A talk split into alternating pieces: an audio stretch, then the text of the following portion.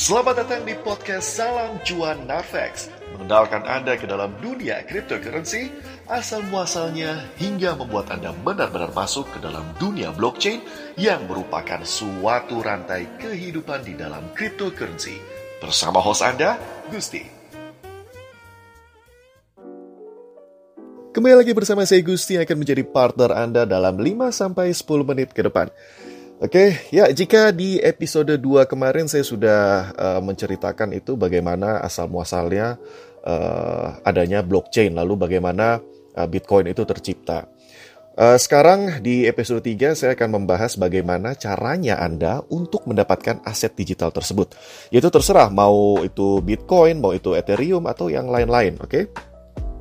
Uh, sebelum mulai, uh, kita rewind sedikit ya. Jadi, uh, saya mengambil contohnya di sini adalah Bitcoin ya sebagai aset digital tersebut. Uh, Bitcoin itu uh, diciptakan hanya berjumlah 21 juta koin dan peredaran Bitcoin itu amat dibatasi. Bitcoin diperoleh pertama kali dengan proses yang disebut uh, ini menambang atau mining. Kita langsung masuk aja nih ya, bagaimana caranya kita mendapat uh, mendapatkan aset digital gitu. Ini saya ini saya skip sebentar ke langsung ke mining karena ini adalah bagian dari introduksinya gitu ya. Oke, jadi uh, pertambangan Bitcoin dilakukan dengan memecah kode-kode sampai ditemukannya kode yang sesuai gitu. Untuk melakukan pemecahan kode diperlukan komputer dengan spesifikasi yang sangat tinggi, sama halnya dengan memecah kode kriptografi. Nah, Kesulitan dalam menambang Bitcoin akan bertambah setiap 10 sampai 12 hari sesuai dengan blok yang ditentukan, gitu. Dengan semakin sulitnya pertambangan, nah, pengguna Bitcoin harus siap-siap karena uh, Bitcoin tersebut harganya akan semakin tinggi. Nah, siap-siap cuan tuh. Nah, bisa dikatakan hal ini merupakan investasi yang legit. Karena mining Bitcoin semakin sulit, maka harga Bitcoin akan semakin mahal. Untuk itu, Bitcoin bisa disandingkan dengan emas. Benar gak? Ya kan? Nah, karena nggak semua orang bisa melakukan mining atau nambang. Uh, apa sih yang ditambang, apa sih yang dicari ini? Yaitu Bitcoin itu. Ya nggak, ya nggak harus Bitcoin, mungkin uang digital lain gitu.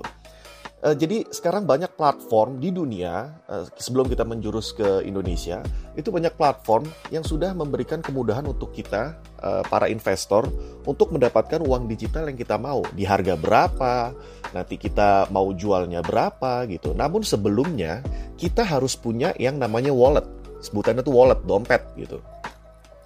Itu ibaratnya alamat yang digunakan untuk menerima serta mengirim uh, dalam halnya Bitcoin di sini gitu.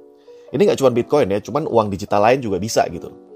Gambaran kasarnya ini kayak ini apa? Kayak rekening, nah, rekening kita di bank gitu. Jadi ada banyak cara nih gimana caranya kita mempunyai uh, wallet tersebut gitu. Nah, uh, di sini saya akan membahas dua wallet yaitu wallet PC dan exchange wallet. Oke. Okay? Nah, jadi wallet PC itu atau multibit adalah aplikasi yang dapat diinstal di laptop atau PC kita nih. Nah, perlu diingat demi keamanan sebaiknya gunakan PC personal dan gunakan password atau encrypt wallet untuk melindungi wallet kita sendiri gitu. Nah, lain halnya dengan exchange wallet gitu. Melihat sekarang uh, dunia ini sudah serba digital dan orang-orang itu sudah mobile kerjanya, mereka lebih suka dengan hal yang simple gitu. Seperti halnya kayak uh, mereka punya aset digital, ya mereka pengen lihat di genggaman mereka, di handphone atau tab mereka gitu.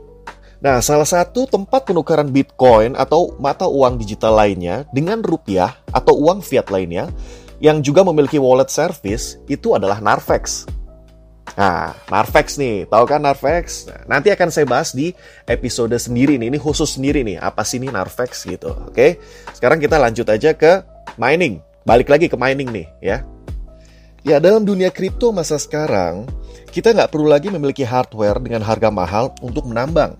Ada beberapa service yang menyediakan layanan menambang Bitcoin yang disebut dengan cloud mining.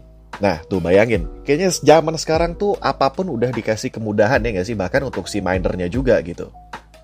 Dengan kata lain, kita menyewa kecepatan hardware mereka untuk menambang Bitcoin – dalam menambang Bitcoin, kita akan mengenal itu namanya giga hash rate per detik.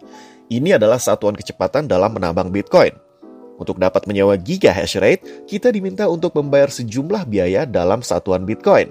Nah, servisnya tuh beda-beda tuh, terserah deh itu gimana platformnya, servisnya kayak gimana uh, si mereka yang menciptakan uh, jasa tersebut gitu. Nah, dan yang terakhir bagaimana cara kita mendapatkan Bitcoin atau mata uang digital lainnya? Nah, sekarang secara gratis. Nah, ayo siapa sih nggak suka gratis, ya kan?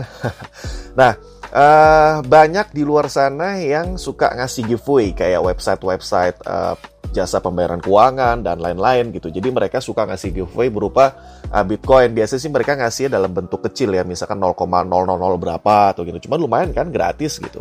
Nah, ada juga yang disebut PTC atau pay to click gitu. Kita dibayar Bitcoin setiap mengklik iklan yang tersedia gitu.